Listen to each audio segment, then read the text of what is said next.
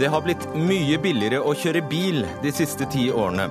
Samtidig har politikerne økt prisene på enkeltbilletter på tog, buss og trikk med over 50% Og så påstår de at de vil ha flere over på kollektivtransport. Noe så vakkert og sjelden skjedde at to kommuner frivillig ville slå seg sammen. Så kom fylkesmannen og sa nei til forlovelsen, og arrangerte i stedet et tvangsekteskap. Hva er det Nasjonalt organ for kvalitet i utdanningen driver med når de godkjenner en akupunktørutdanning basert på qi, yin-yang og de fem elementer?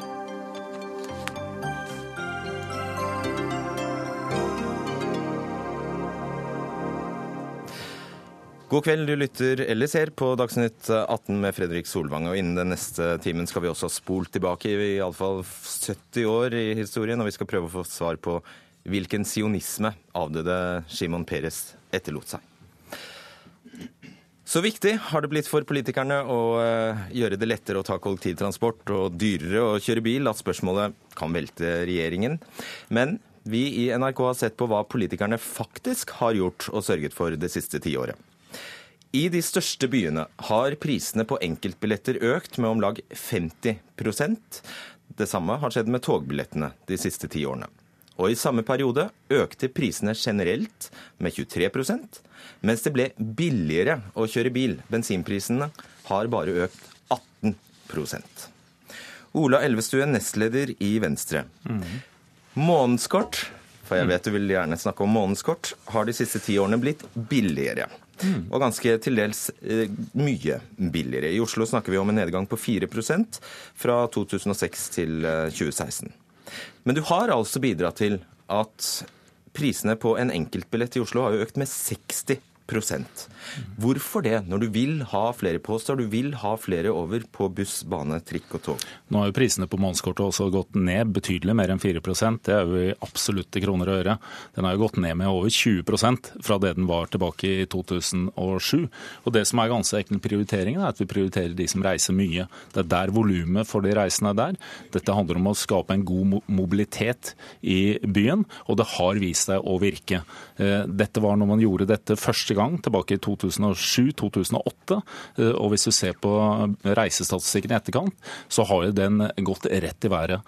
Det var, når jeg gikk ut av bystyret, så var den økt med nærmere 30% Nå er jeg helt sikker på at den er oppe i 40% økning. Så det er ingen tvil om at den strategien som Oslo har valgt, og Akershus har valgt, nemlig å prioritere de som reiser ofte, har virket. Og vi gjør jo nå også det samme på statlig nivå. Nå fra oktober så setter vi jo ned månedskortet på NSB Eh, med, med også nærmere 20 eh, sånn at de fylkene som ligger utenfor eh, Ruter sine områder, og ligger utenfor da der du har allerede en reduksjon, også vil nyte godt av det. Og nå kan du gjerne svare på spørsmålet. Hvorfor har du økt billettprisene, enkeltbillettprisene med 60% f.eks. i Oslo?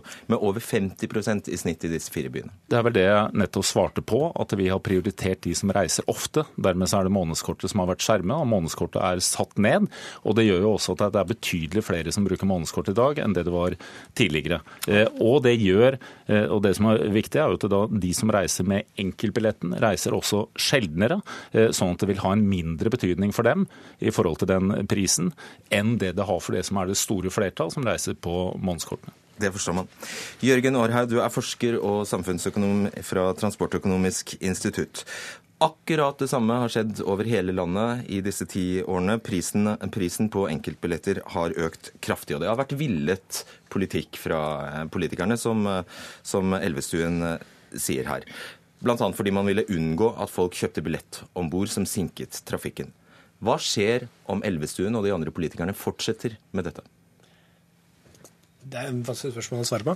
Men uh, i hovedsak så er jo enkeltbillettbrukerne altså Da man innførte høyere prising på enkeltbillett, så var det jo fordi det tok tid, som du sa, å ekspedere enkeltbilletter. Det argumentet er ikke der lenger.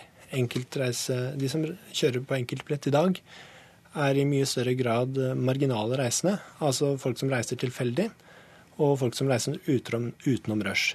De er nesten gratispassasjerer å ha med på kollektivtilbudet.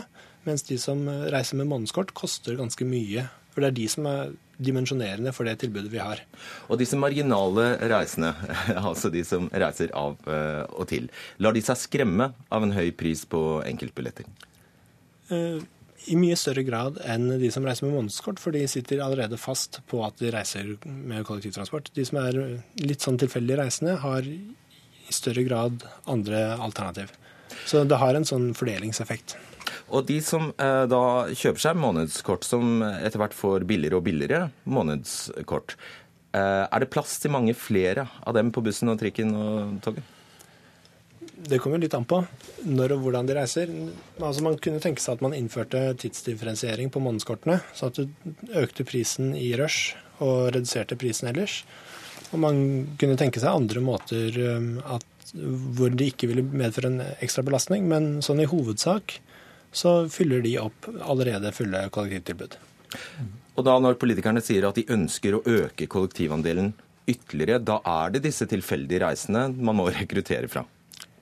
Ja, i stor grad. Altså, man har nådd veldig mange av de fastereisende allerede med den politikken man har ført. og så hvis man skal nå det videre, så må man nå de reisene man ikke har nådd. Og Da har du fortalt oss tidligere at da er det ikke en god idé å fortsette å øke enkeltbillettprisene, men snarere gjøre det stikk motsatte.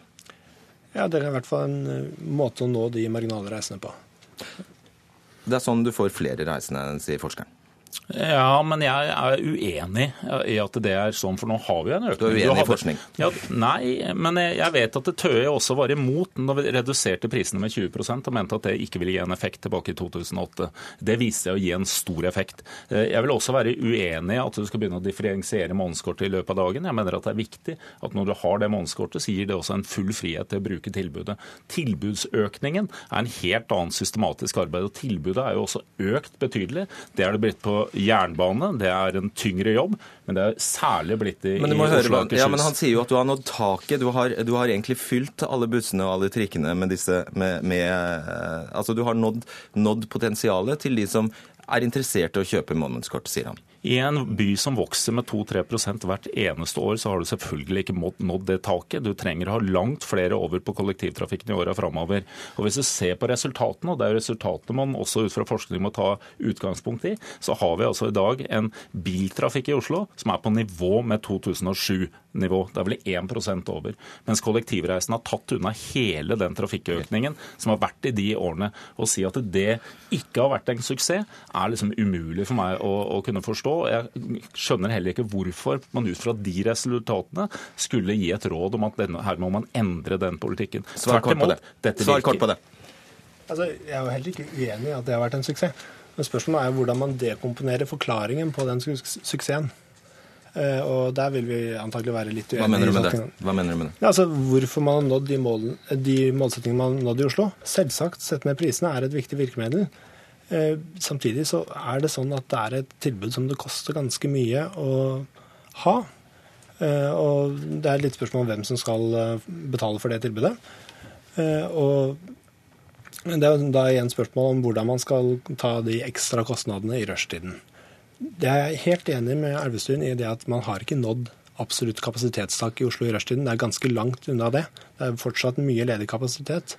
Men man må begynne å tenke i de baner på hvordan man kan utnytte all den tomme kapasiteten som er der allerede. Man, altså, man, kjører veldig mye tomt uh, utenom rushtid. Og det å få folk inn på det kan også være en måte å få inn nye reisende på. Okay. Arne Bergsvåg, du er leder for samferdselsutvalget i Rogaland fylkeskommune for Senterpartiet. Og i Stavanger har dere økt enkeltbillettprisen med 50% og månedskort har blitt i Stavanger 32% dyrere.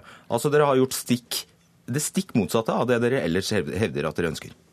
Ja, altså Det blir litt feil å si det sånn du sammenligner sone 1, fordi at vi har hatt en stor omlegging.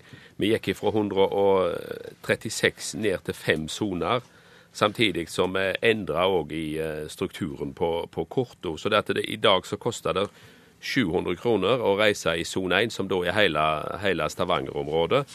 700 eh, kroner i måneden, og et årskort koster 7000.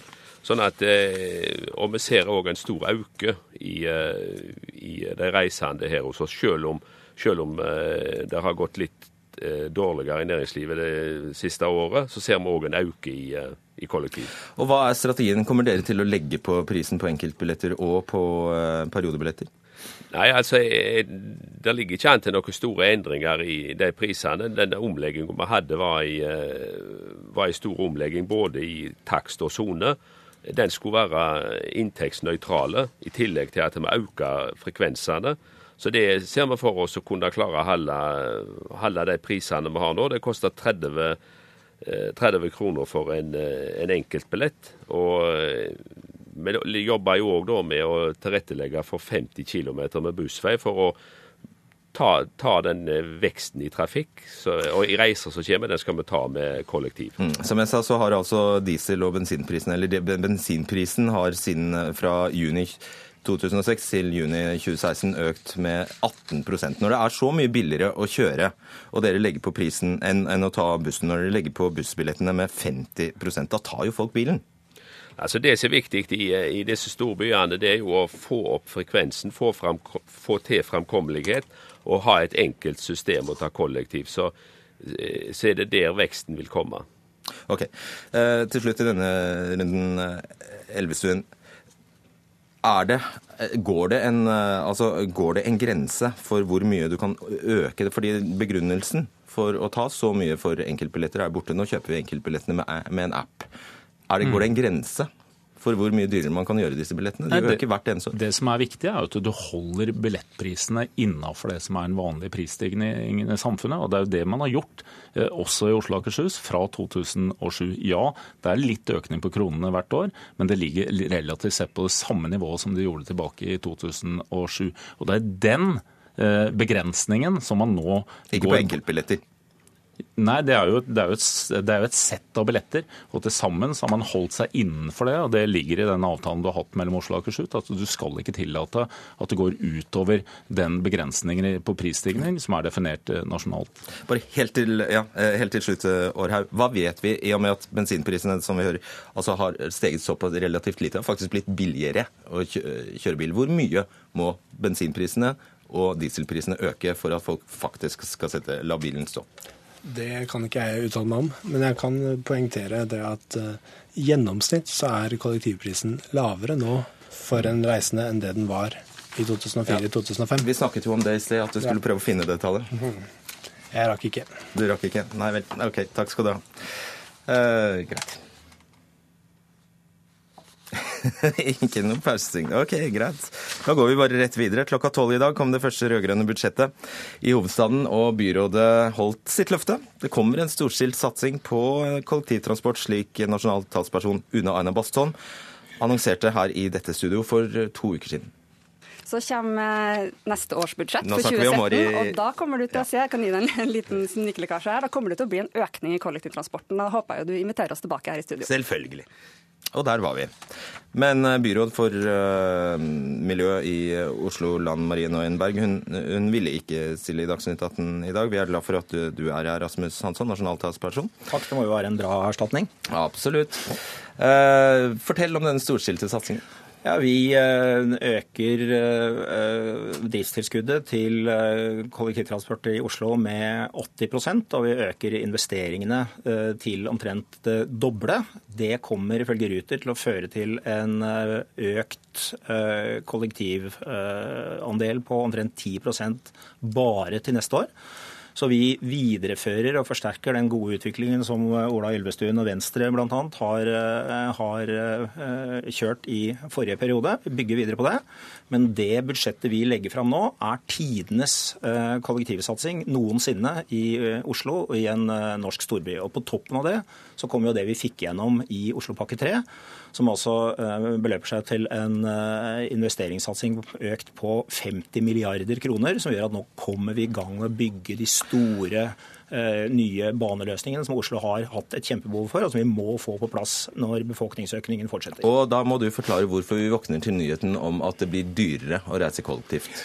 Det uh, gjør vi uh, fordi i Oslopakke 3-forhandlingene så insisterte Høyre på at vi skulle bruke en del av billettpengene til uh, å betale for kollektivtransportinvesteringer.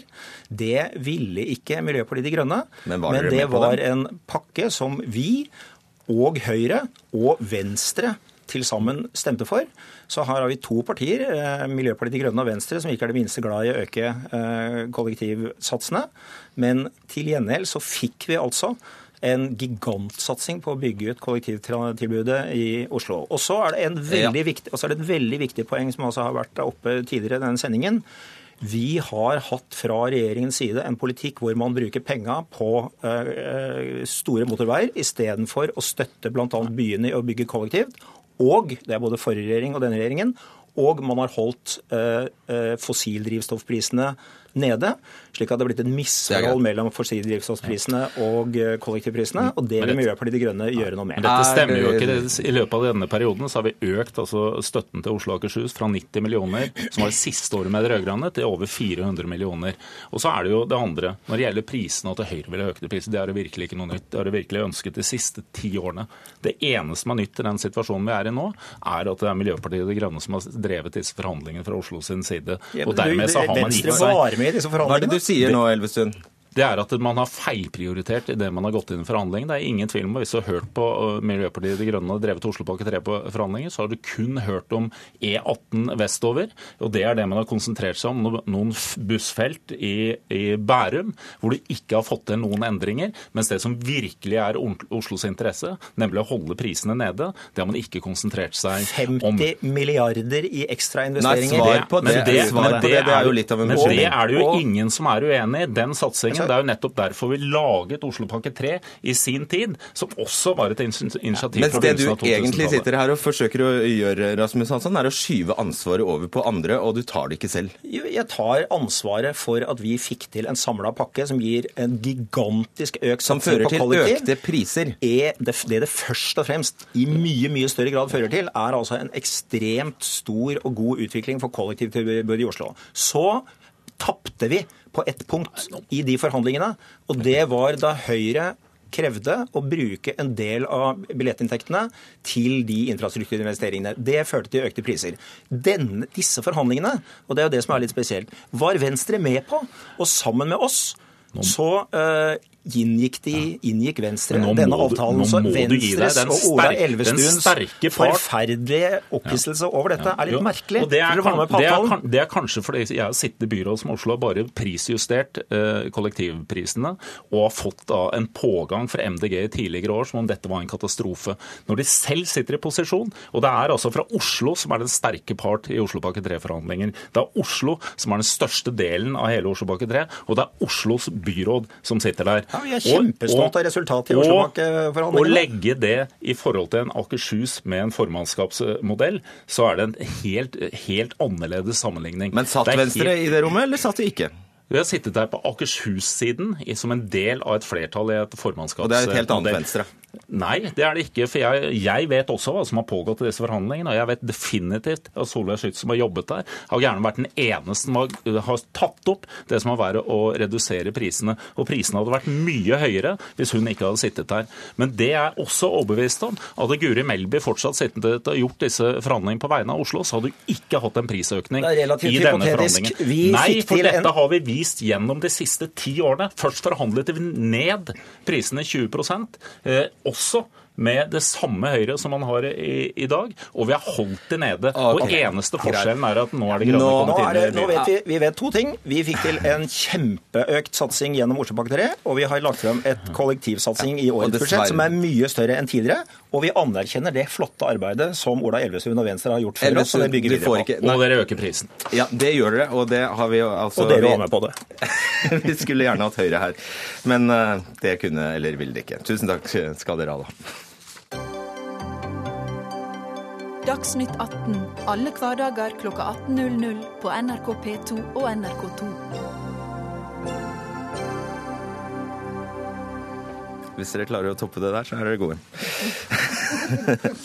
I kjølvannet av boka om Fremskrittspartiet som kom i går, går debatten om det også i Norge finnes nasjonalistiske strømninger, i likhet med land lenger sør i Europa. Eh, og Det er ikke Frp, men Senterpartiet som har ledertrøya i eh, å være landets mest nasjonalkonservative parti, og som fører landets strengeste innvandringspolitikk, mener du, Kristin Clemet, leder for eh, Civita. Tidligere statsråd, må vi tilføye for eh, Høyre, for det er relevant, skal vi merke etter hvert. Du sa dette til flere medier i går, og for Dagbladet sa du til og med at Senterpartiet er det mest nasjonalistiske partiet i Norge. Det må du nesten begrunne. Ja, altså Jeg har ikke møtt noen som bestrider innholdet i det jeg har sagt, men jeg har møtt noen som, eh, som, ikke liker begrepene, og det har jeg en viss forståelse for. Men hvis vi nå går og ser på hva begrepene egentlig betyr, altså nasjonalisme eller nasjonalkonservatisme, som bare er en gren av konservatismen, så betyr det at man ønsker å bestemme mer over og i sitt eget land, og at man legger vekt på nasjonal identitet og kultur. Og Det gjør jo alle norske partier, og i Norge har vi en snill form for nasjonalisme, en eh, politisk form for nasjonalisme, men man kan si at Senterpartiet legger mer vekt på det enn alle andre partier. Eh, og hvis man i tillegg kikker litt på det som karakteriserer de nasjonalkonservative partiene og bevegelsene i Europa, så er det også mm, forhold som karakteriserer Senterpartiet og Senterpartiets politikk mer enn det karakteriserer andre partier i Norge. Men en så verbalt uh, sterk kvinne som deg, Kristin Clemet, mm. vet hvor sterkt det er å kalle et parti i Norge nasjonalistisk?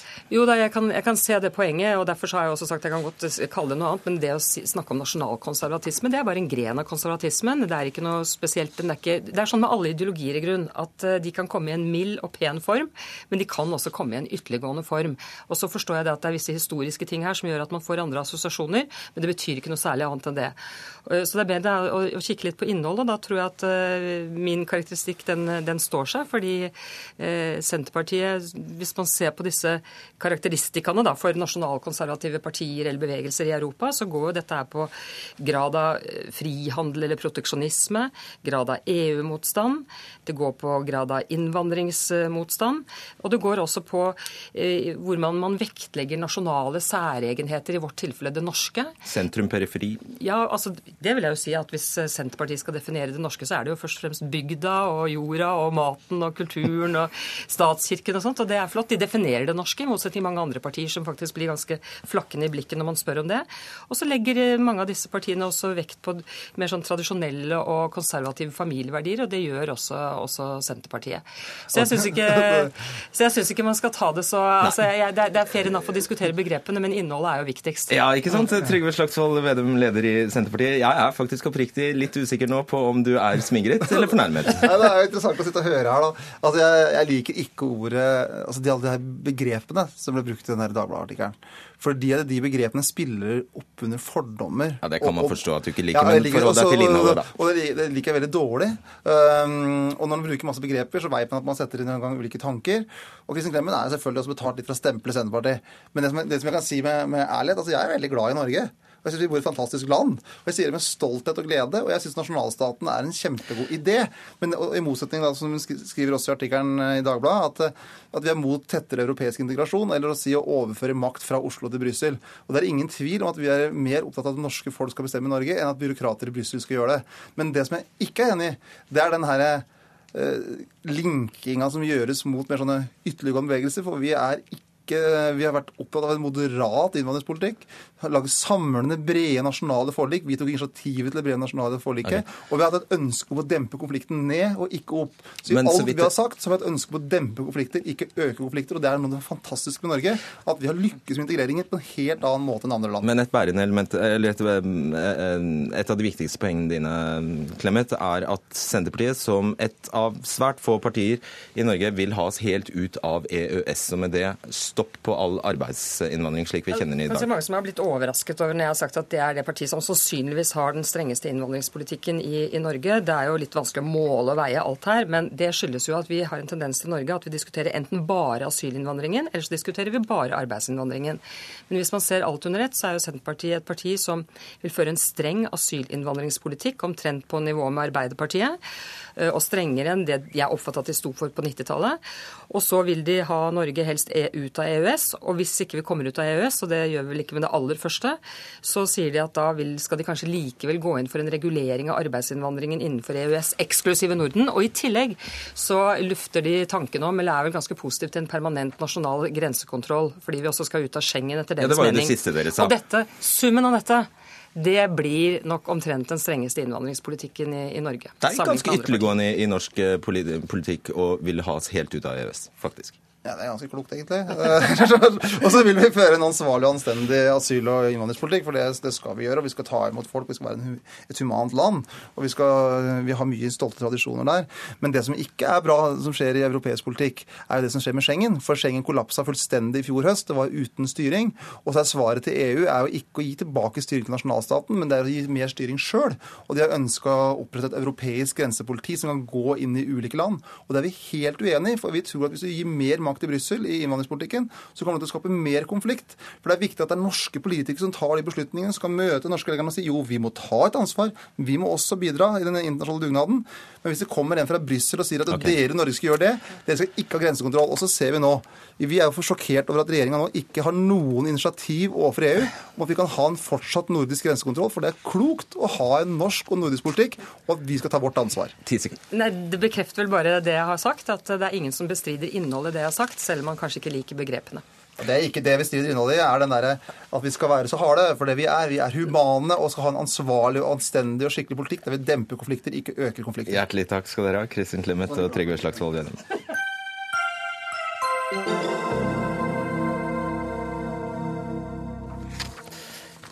Du har helt sikkert fått med deg at kommuner over hele landet har hatt folkeavstemninger om hvorvidt de skal slå seg sammen. Men eh, kanskje ikke like mange vet at eh, fylkesmennene i hele landet også skal tegne sine kommunekart ut fra hva de mener er best.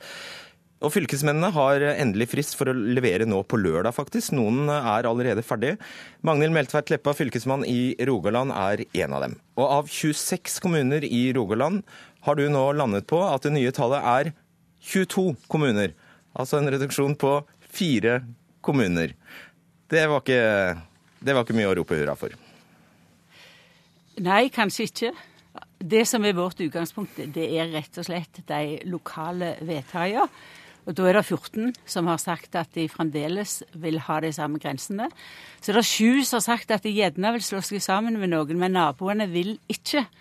Og da står vi altså igjen med tre nye kommuner og det, eh, som da er, er, betyr en reduksjon i fire av dagens. Mm, så det er ikke noen uh, sivil ulydighet fra deg som uh, tidligere Senterpartiets statsråd?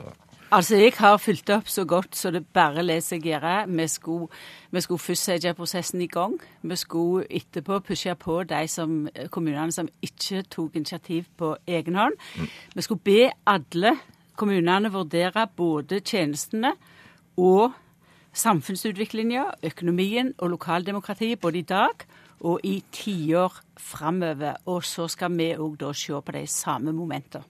Men det interessante i ditt tilfelle det er jo at dere i Rogaland har eh, to kommuner som har funnet kjærligheten frivillig, nemlig Sandnes og Forsand. Og disse to kommunene ønsker å slå seg sammen. Men du vil altså bryte denne forlovelsen og i stedet gjennomføre et tvangsekteskap. For du mener det er bedre for Forsand å slå seg sammen med Strand kommune. Hvorfor det? Ja, Det er jo sagt i vårt oppdrag, som vi har fått fra storting og regjering, eh, at kan, frivillighet skal legges til grunn.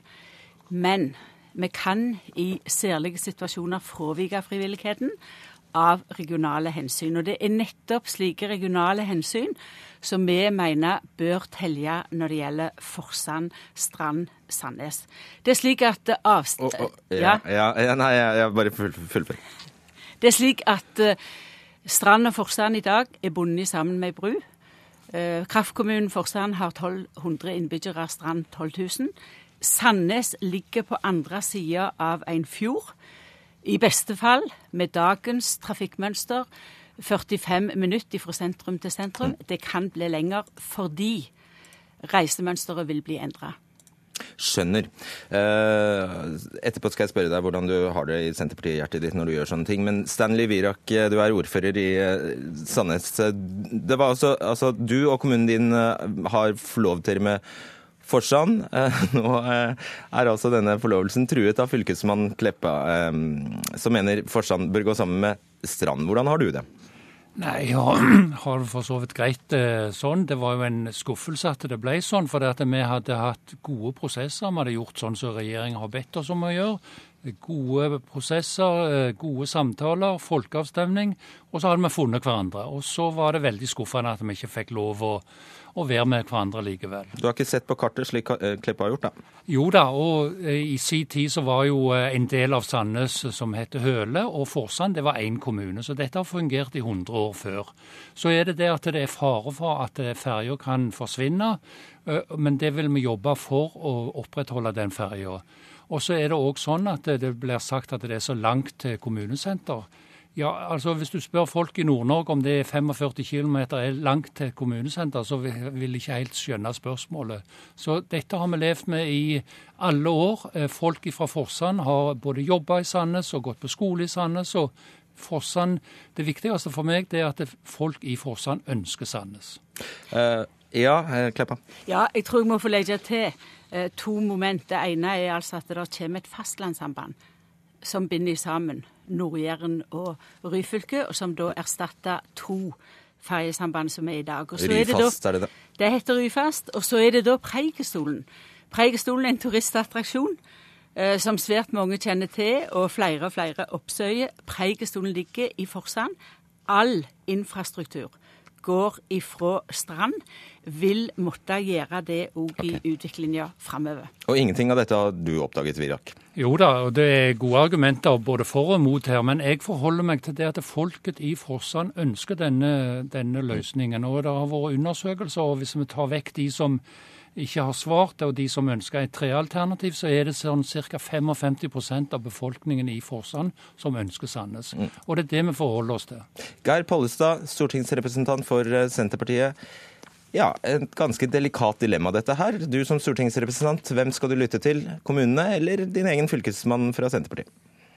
Nei, Vi forholder oss til det som er de eh, lokale vedtakene. Eh, vi mener at det er det som er det viktigste. Da er vi heldige i Rogaland at vi har ikke den eh, verste eh, fylkesmannen som vi kan tenke oss. Eh, men dette, det er ingen grunn til at fylkesmannen skal være en slags overdommer. Det er sagt at dette skal baseres på frivillighet. Og det er jo like mye et tvangsekteskap om du må gifte deg med en du ikke vil ha, selv om du har tenkt å gifte deg med en annen. Det endrer ingenting på, på det. Så vi, vi følger de rådene som eh, innbyggerne av kommunestyret har gitt. Og i blaffen i det Magnhild sier? Ja, Vi ser ikke, vi syns, det, vi syns regjeringa egentlig har gitt eh, fylkesmennene en ganske krevende og vanskelig rolle med å være en slags sånn politisk spiller opp i denne kommunereformen. De vil ikke eh, ta jobben sjøl, og så skyver de fylkesmennene eh, framfor seg. Det er jo ikke sånn at dette er noe faglighet fra, fra fylkesmennene. Det er bare å se på at uh, hvis det var sånn at det var basert liksom, på, på, faglighet, så, så, ville jo resultatet blitt ganske likt. Hva er det da basert på? Nei, altså Hvis det var veldig faglig begrunna, så ville jo resultatet blitt ganske likt i alle fylkene våre. Eh, nå ser vi jo store forskjeller fra fylke til fylke. Og det betyr jo at det har en eh, innvirkning hvem som er Eh, fylkesmann i det enkelte eh, fylket. Da er det bedre å holde seg til kommunene. Ok, Selv om han er en høflig mann, eh, Pollestad, så var jo det to sterke beskyldninger. Magnhild Meltveit Kleppa. Du blir brukt av Jan Tore Sanner, og du er ikke faglig i dine vurderinger. altså Alle fylkesmennene i dette landet har fått det samme oppdraget. Vi løser dette på ulikt vis fordi fylker er forskjellige. Den faglige vurderinga har vi òg sendt inn. Den kan Geir Pollestad lese på på nettsidene våre. Og så skal vi altså bl.a. Eh, ta regionale hensyn. Det er et råd vi gir nå til, storting og, til regjering og storting i tråd med det oppdraget vi har fått. Og så er det Stortinget som skal gjøre de endelige vedtakene her. Det er det, og der sitter du, Helge André Njåstad, leder i kommunal- og forvaltningskomiteen på Stortinget for eh, Fremskrittspartiet. Verken kommunalminister eller noen fra politisk ledelse fra Sanners departement hadde anledning til å være med i dag, men det har heldigvis du. Hvem vil du høre på, kommunene eller fylkesmannen? Vi skal lytte på mange eh, i denne fasen, men akkurat når det gjelder Sandnes Forsand, så eh, er det klart at vi har sagt at det skal basere seg på frivillighet og lokale prosesser. så det skulle jo bare mangle at ikke vi sier ja til de som finnes, finner fram frivillig. Eh, så jeg, jeg er tindrende klar på at jeg er på linje med Pollestad og ikke fylkesmann i, i, i det lokale spørsmålet. Og Hva var poenget med å gi Kleppa det oppdraget, da? Jo, Det er jo for å se på andre ting, der man har den eh, klassiske eksempelet med at eh, tre kommuner sier ja og én sier nei, f.eks. I sånne tilfeller må Fylkesmannen være tydelig. Nei, men det, det, det, det teoretiske eksempelet der, det trekker dere jo alltid, alltid opp av hatten. Jo, men, men her står du jo overfor et faktisk dilemma.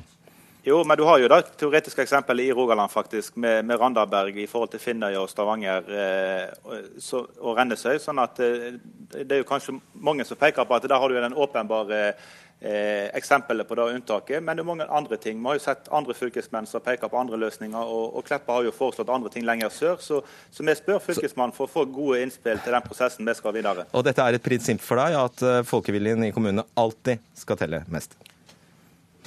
Nei, når kommunestyrene gjør vedtak Det er ikke et prinsipp? Jo, jeg sier når kommunestyrene finnes eh, eh, sammen, så skal, er terskelen for at noen skal overstyre dem veldig høy. og Derfor så ønsker jeg å berolige de i Sandnes og Forsand om at når de har funnet gode løsninger, så har jeg mer tro på at den kommunen vil bli veldig god, enn at eh, en kommune som blir tvangssammenslått, skal, skal bli ja. veldig god. Så, dette, så, dette er jo veldig okay. oppsiktsvekkende, for her sier en at en skal høre på kommunene hvis de sier ja. Men hvis de sier nei, så er en veldig utydelig på om en vil lytte De, Ja, det var det jeg også her, hørte. Her bør mm. det komme et, eh, et, prinsipp, og jeg mener at det bør være at et nei er et nei. Josta. Nei, det vi har sagt er jo at vi belager oss på lo eh, lokale prosesser. Vi har jo aldri sagt noe annet enn det, men i unntakstilfelle skal Stortinget kunne skjære gjennom. Eh, og Det er jo da vi lytter til, til fylkesmennene i de unntakstilfellene rundt om i landet nå.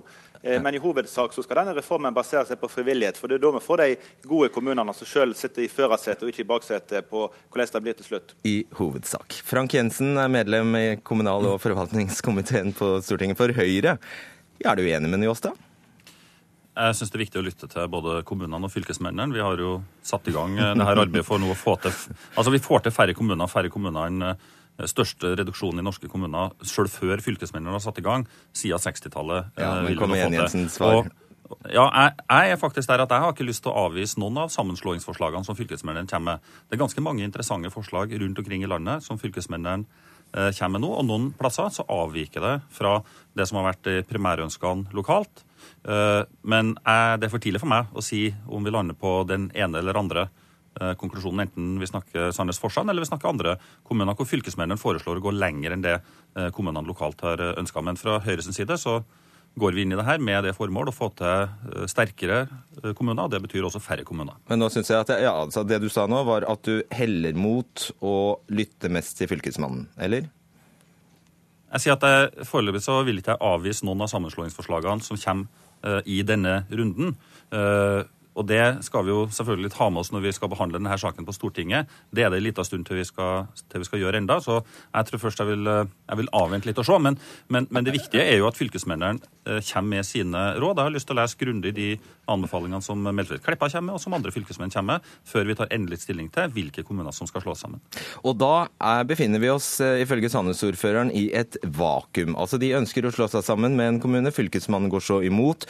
Nå må de alle vente på at du og Stortinget skal bestemme, skal bestemme dere. Og det skjer altså først til våren. Vil du kalle det en god prosess? Ja, vi har holdt på Jeg, jeg vil påstå det, og helt klart. Og vi har fått det. Husk det. Det er også over 120 kommuner som har fatta positive sammenslåingsvedtak. Det er ikke alle de 120 kommunene som har en partner, men det viser jo at det er veldig mange kommuner som ser behovet for reform, som mener at ja, vi kan bli sterkere sammen. Enten du er en liten kommune som har nedgang i folketallet, og eldre, aldrende befolkning som derfor trenger å slå seg sammen for å sikre tjenestetilbudet, eller du er en storbykommune i et pressområde hvor du trenger å bli større for å få til samfunnsutvikling. Og For Høyres del så er det viktig nå å få til en robust kommunestruktur. Pollestad, nå skal du få en listepasning. Syns du det er en god prosess? Nei, det har vært en elendig prosess. Eh, og en snakker om at det er eh, frivillighet og frivillighet og frivillighet, og samtidig så presser en og truer eh, og skaper usikkerhet. Og så har vi invitert innbyggerne til å være med og si sin mening. Hva var vitsen med det hvis en ikke akter å høre på deres syn? En må jo tro at de som bor rundt om i kommunene, eh, greier å gjøre den type vurderinger. Så har noen kommuner sagt ja, fordi at de som har vært for, har argumentert best for det, og da har folk stemt ja.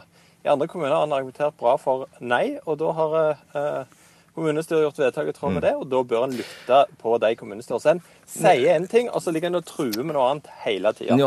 En ting er jo alle de arbeidstimene Magnhild Meltveit Kleppa kan ha lagt ned her helt uh, forgjeves. Noe, helt, noe annet er jo uh, alt det engasjementet du har virvla opp i alle landets kommuner. Hva var vitsen hvis dere ikke hadde tenkt å ta det til følge? Jo, Vi har jo tenkt å lytte til fylkesmennene sine forslag på de som vil eh, ha færre kommuner. Dette eksempelet her er jo litt spesielt at Fylkesmannen sier nei til to som har funnet hverandre. Eh, det er jo på en måte bare der jeg er tydelig. Alle andre forslag som fylkesmennene har, skal vi vurdere veldig nøye og gå grundig inn i. Og eh, Vår ambisjon er å sette oss ned med, med KrF og Venstre og drøfte disse tingene og, og bli enige med dem om hvordan vi skal forstå dette landet. Og Vårt utgangspunkt for Fremskrittspartiet er at vi selvfølgelig ikke sier nei til frivillige sammenslåinger. Magnhild Meltveit Kleppa på tampen her. Syns du det, dette har vært en god prosess? Ja, jeg syns det har vært både en god og en eh, omfattende prosess. Eh, Sett opp imot de målene som eh, var med denne reformen, så mener jeg at vi har løst den godt, med masse kontakt med kommunene, og enda opp med de rådene vi nå gjør. Og du har det godt i Senterpartiet-hjertet ditt? Vet du, jeg har det veldig godt. I Forsand er situasjonen delt. De har gjort de vedtakene de har med, med minst mulig flertall.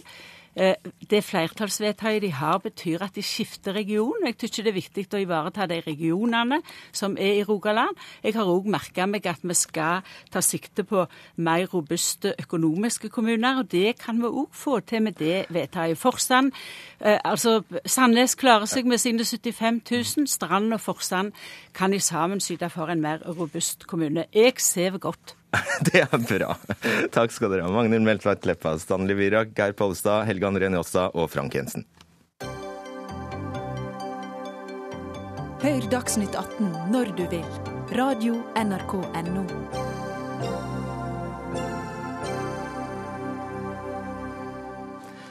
Finnes det vitenskapelig belegg for at vi blir friske av å få nåler stukket inn i kroppen?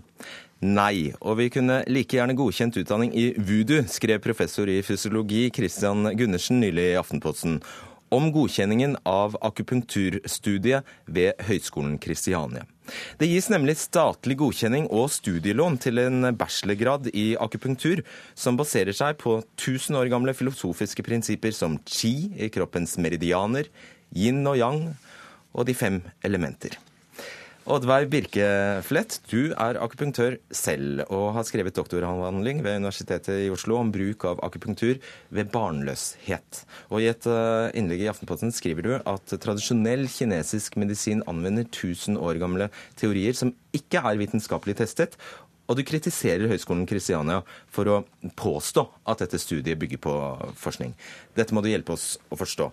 Hvorfor er det så vanskelig å forske på tradisjonell kinesisk akupunktur? Ja, Som du sier, så uh, Tradisjonell kinesisk medisin det er, eh, bygger på gamle, uh, tusen år gamle teorier som man bruker for å sette diagnose på pasientene. Man kommer inn til en akupunktør, så ser han på symptomer og tegn, og da bruker man disse gamle diagnosene for å komme fram til, eller teoriene for å komme fram til en diagnose. Og Man observerer f.eks. tunga. Og, og man vet at forskjellige mennesker uh, tyder farger forskjellige. Og det ligger da grunnen til å sette disse diagnosene. Og da, De gjøres da på et tynt grunnlag. Og Diagnosene bestemmer da hvilke akupunkturpunkter man skal bruke for å behandle pasientene. Og disse diagnosene er vidt forskjellige fra biomedisinske diagnoser. Sånn at hvis fem personer med migrene kommer til en akupunktør, så kan de få vidt forskjellige TKM-diagnoser. De får fem forskjellige diagnoser? Ja, eller mange forskjellige diagnoser. Og for hver person kan få mange diagnoser også. Og de vil variere mellom alle sammen. Og de kan få en haug med vidt forskjellige punkter, så det sier seg selv at det er på en måte umulig å komme fram til den diagnosen og de behandlingene for forskjellige akupunktører. Og da mener du at man ikke kan undervise i det, eller? Jo, man kan eh, jo selvfølgelig undervise i det, men det byr på problemer når du skal forske. For det lar seg jo ikke gjøre å repetere den type studier. Eh, så Fordi det er helt subjektivt fra person til person? Både akupunktøren som observerer, gjør en subjektiv eh, vurdering, og disse teoriene lager jo også problemer med hvordan du skal bruke de. Og Derfor så er den effektforskningen som er gjort på akupunktur, den tar gjerne utgangspunkt i en vestlig medisinsk eller biomedisinsk diagnose. Og så velger man to-tre eh, forskjellige akupunkturpunkter som man bruker eh, på alle som er med i studien. Altså Hvis du kommer med hodepine og du setter tre nåler akkurat på det stedet på alle pasientene nøyaktig samme sted, så kan du måle en virkning. Da kan du måle en virkning, men dette er jo da en tilnærming som ikke er bygd på TKM-filosofi. Og da syns ikke jeg det blir riktig å kalle det eh, for TKM-akupunktur, og, ja, og, ta det, eh, den type forskning til Eh, støtte for TKM-akupunktur. Tror jeg skjønner. Terje Alrek, professor ved Institutt for helsefag på Høgskolen Kristiania. Du underviser i akupunktur ved dette programmet, som altså har fått godkjenning. Hvordan skal man kunne etterprøve effekten av en behandling som altså bruker helt subjektive kriterier for diagnosen, som f.eks. Ja, som det blir nevnt her, fargen på tunga til en pasient, eller filosofiske konsepter som chi, yin-yang og fem elementer? Totalt uproblematisk. I dag kan vi gjøre noe pragmatiske studier når det gjelder akupunkturforskning. Det betyr at akupunktørene får lov til å gjøre akkurat det de vil gjøre, og det de kan gjøre. Vi har et objektivt utkommemål på det som skal gjøres i studien. Dvs. Si at vi, hvis du har migrene, så er det da antall migreneanfall per uke eller per måned som er utkommemålet. Hva den enkelte akupunktør gjør, kan vi selvfølgelig diskutere i bøtter og spann, for å bruke det uttrykket. Men dette er en klinisk arbeidsmodell som hjelper akupunktører i sin kliniske hverdag. Om disse eksisterer eller ikke, men dette, dette bygger da på empiri som våre kinesiske kolleger har anvendt over mange mange tusen år. Og det er en arbeidsmodell som fungerer i det kliniske arbeid. Ok, Svar på det, Birkeplett. Ja, jeg står ved at man bør undersøke disse teoriene man tar utgangspunkt i. fordi man tar jo folk i skole og underviser i de, og hvis de ikke henger på greip eller har noe for seg, så hvorfor skal man gjøre det? Og den forskning som er gjort på akupunktur også, som tar for seg enkelte akupunkturpunkter og viser effekt, det er jo Da kan man jo bare ta utgangspunkt i det. Da behøver man ikke gjøre noe mer fiksfakseri ut av det. Eh, Det er fiksfakseri er rart å høre fra en akupunktør. Men eh, det jeg kan si her, er at, eh, at eh, det som hun er inne på, da, er at uh, når vi underviser i akupunktur Jeg kan ta ryggproblemer, som er et stort problem i Norge. Da gjennomgår jeg forekomsten av rygglidelser i Norge. Jeg forteller hvorfor, disse, hvorfor det er så mange rygglidelser og plager i Norge. Og jeg forteller om hvordan det behandles i vanlige norske helsevesenet. Deretter så forteller jeg litt om, om uh, kinesisk medisin og hvordan de tenker om rygglidelser. Og Der inngår en del begreper som Birkefeldt sier, som på oss kan virke litt fremmede. Men det er ikke problematisk, fordi det er knyttet opp til kliniske observasjoner av pasienter. Så dette hører de. Det neste jeg da gjør, er at jeg sier, går over til forskning. og Så sier jeg så mye av dette er dokumentert via forskning at akupunktur virker f.eks. på lave ryggsmerter. Så alt dette med yin-yang og fakserier og fikserier, det er en saga blått ved høyskolen. Det er tatt ut av, av dette her, og det har ikke undervist på mange år. Øystein... Men når vi underviser i filosofi, kinesisk medisinsk filosofi, så selvfølgelig snakker vi om disse begrepene og holder de opp mot biomedisinske forklaringsmodeller. Nok en gang, jeg tror jeg skjønner. Øystein Lund, tilsynsdirektør eh, for eh, NOKUT, nasjonalt organ for kvalitet i utdanningen. Det er altså dere som har godkjent en, denne utdanningen, som baserer seg på, eh, på tusen år gamle tradisjoner. Hva har dere lagt til grunn når dere har godkjent denne utdanningen? Jeg må nesten starte med å si at jeg tror jeg skjønner, jeg også. For dette er ikke akkurat mitt område. Men jeg syns først og fremst at det er veldig bra at det pågår en diskusjon. Både i forhold til, i forhold til mellom akupunktører og mellom akupunktører og andre medisinsk. Når vi har godkjent dette, så har vi brukt den vanlige modellen hvor en søknad legges til grunn som beskriver alt i studiet. Og det er en sakkyndig komité som eh, bedømmer det, og, og har da en både medisinsk bakgrunn og en bakgrunn fra det å kunne bedømme et studium. Og så har de gjennom disse prosedyrene funnet fram til at de mener at dette studiet oppfyller kriterier, som f.eks. at studiet skal bygge på relevant forskning. Men eh, vet dere hva dere har godkjent? Vi vet det som foreligger i denne eh, rapporten. Eh, jeg vet ikke personlig hva som ligger bak akkurat dette akupunkturstudiet, men NOKUT som organ og NOKUTs sakkyndige vet hva de har godkjent, og har gått god for det. Men er det som Kristian eh, Gundersen sier, at du kunne like gjerne kommet med søknad om å starte voodoo-skole? Altså, I det norske systemet så er det sånn at eh, alle som ønsker å starte høyere utdanning, har en nokså lav terskel for å søke og en veldig høy terskel for å komme igjennom. Eh, så jeg kan jo ikke si at det ikke går an å søke om VUDU. Men eh, jeg ville selv holde det ganske usannsynlig at det er den søknaden vi skal få. Men hvis de følger VUDU-skolen fulgte alle lover og alle forskrifter, så kunne den bli godkjent? Ja, altså Gitt at den gjør det, men det forutsetter jo at vi vet noe om hva voodoo er. Det som kanskje er litt interessant akkurat denne sammenhengen, er at det pågår jo forskning på voodoo. Eh, faktisk ved Harvard, som, har, eh, som, ikke er et helt ukjent universitet. og Der har de bl.a. sett at eh, voodoo blir veldig ofte brukt som et slags eksempel på det som er fullstendig ute å kjøre. Men så er det ikke alltid det. Adam, Adam McGee har skrevet en avhandling som er veldig interessant på akkurat det området, og sier at nettopp det er et problem, fordi vi tar populærkulturens utgave av voodoo. Og så later vi som det er voodoo.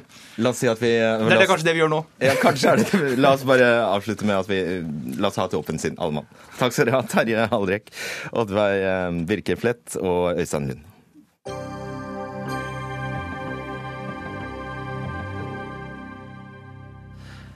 Den tidligere israelske presidenten, statsministeren og utenriksministeren Shimon Peres døde i natt, 93 år gammel.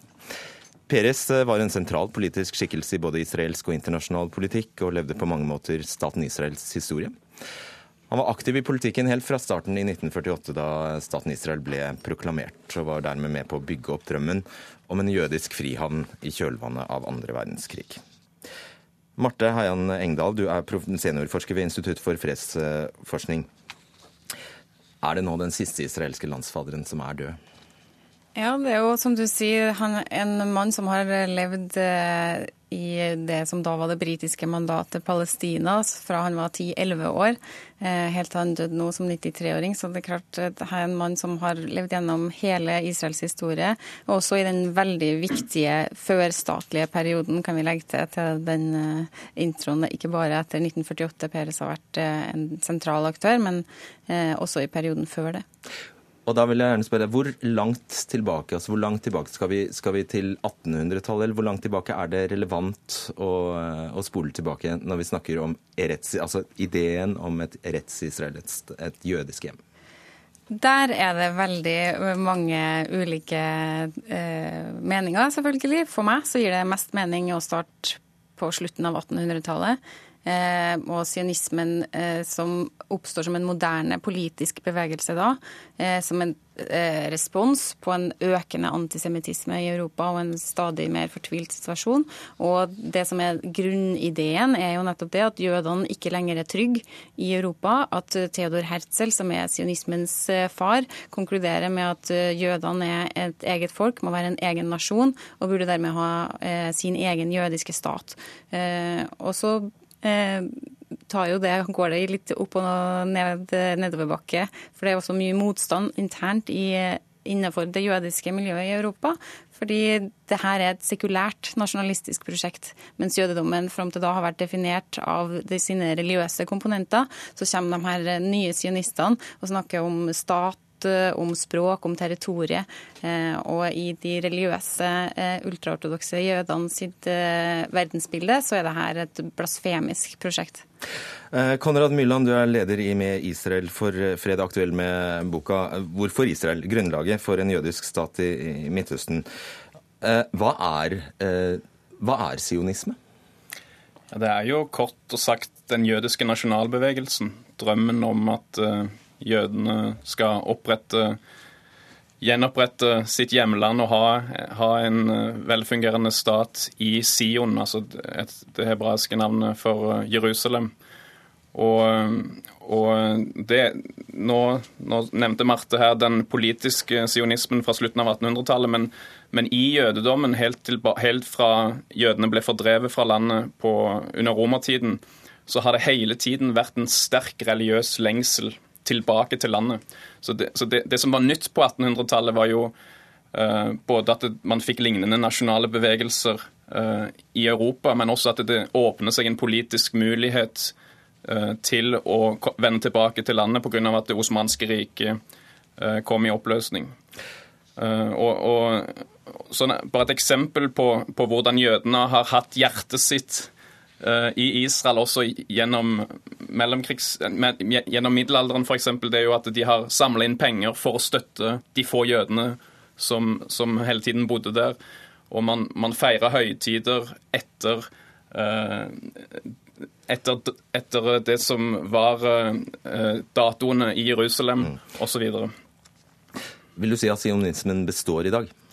Ja, altså sionismen, drømmen til Theodor Herzl og de andre tidlige sionistene, og også drømmen til Shimon Peres, er jo realisert i, det, i den betydning at uh, nå er det et, uh, en jødisk stat der jøder over hele verden kan søke nødhavn og, og bygge en stat med en klar jødisk identitet men Marte Heian Engdahl, noe av det som er så fascinerende med, med Israel, er nettopp at det, skal, det, skulle være en sekulær, nasjonalistisk stat i seg selv. Nesten en, altså nesten en selvmotsigelse all den tid uh, jødedom er en religion. Ja, men jødedommen er mye mer enn eh, religion. Og det er der, og som eh, Konrad Myrland sier her, så er selvfølgelig helt riktig at den jødiske lengselen etter Sion strekker seg lenger tilbake enn til slutten av 1800-tallet. Men det som er som sionistbevegelsen til slutt forsto eh, etter litt tid, var at man ikke kunne det kravet om at jødene trenger sin egen stat, står ikke særlig sterkt hvis du ikke har de troende jødene også med deg på laget. Så i denne grunnleggende fasen, etableringsfasen av staten, så eh, inngår sionistbevegelsen en rekke kompromiss med de ultraortodokse. Og der er selve kjernen i det er hvilken rolle skal religionen spille i den jødiske staten. Og mange av de kompromissene som ble inngått allerede da på slutten av 40-tallet, plager staten eh, dypt den dag i dag. Så kom det altså et vannskille, eller det gikk et vannskille i 1967, seksdagerskrigen. Ehm, for da gjør altså altså Man har, som du sier, hadde disse rivningene, men da, da gjør virkelig religionen sitt inntog i sionismen. Kan man si det sånn, eh, Milan? Ja, man ser i hvert fall at den nasjonalreligiøse strømmen av sionismen ble styrket i, i, den forstand at uh, man da vant områder uh, på, på Vestbredden, eller Judea og Samaria, som mange jøder kaller det, som hadde sterke religiøse og historiske symbolverdi. Og, og, man, og, man, fikk man fikk valgseieren til Menachem Begin og høyresiden i 1977. Og, og, i stor grad etter det så, så har jo så har høyresiden eh, fått størst oppslutning ved valg, ofte fordi at eh, den analysen som høyresiden ga helt tilbake til Jabotinsky på 30-tallet, nemlig at eh, hvis vi skal forbli her, så må vi være sterke. Og, og, og, Det var jo det også Shimon Peres i, i sine yngre år bidro så sterkt til, ikke minst med å styrke Israels forsvar og, og gjøre diplomatiske tiltak for at Israel fikk atomvåpen. Så er det en annen form for sionisme vi ser, eh, ser i dag? Altså, Det gir ikke mening å snakke om den samme sionismen, i alle fall, fordi at den nasjonale religiøse sionismen som virkelig blomstrer opp da, etter seksdagerskrigen i 1967, som Konrad sier her, eh, da blir det oppfatta av de nasjonalreligiøse eh, kreftene som en gave fra Gud. En, et mirakel fra oven. At, eh, og det er derfor man også i denne gruppa definerer de her områdene som ikke er okkupert, som resten av eh, jordas befolkning eh, som regel tenker på det som, men som frigjorte territorier. Og I det her så ligger det jo et viktig skille for sionistbevegelsen. fordi det som har da vært, som vi om innledningsvis, en redningssionisme, at det skal være redninga for alle verdens jøder, det endrer seg jo veldig idet man også blir en okkupasjonsmakt over et annet eh, folk og et annet territorium. Eh, og da er det ikke lenger eh, her, Da går det ikke lenger å forene det jødiske og liberale og demokratiske verdigrunnlaget som sionistbevegelsen opprinnelig skulle ha. Ja, Dette er jo dilemmaet som, som det israelske demokratiet står overfor. Men til tross for at Israel nå har fortsatt en militær kontroll over Vestbredden i snart 50 år, så er det jo sånn at eh, det store flertallet i befolkningen, også av flertallet av de jødiske partiene i Knesset, ønsker eh, ikke å beholde området, fordi de ser at det, eh, det vil skape det vil, det vil, gjøre eh, jødene til mindretall i sitt eget land hvis de inkluderer hele Vestbredden. Vi får fortsette en annen gang. Takk skal dere ha, Marte Heian Engdahl og Konrad Myrland. Dagsnytt 18 er eh, over. Fredrik Lauritzen, Frode Thorshaug og Fredrik Solvang takker for seg.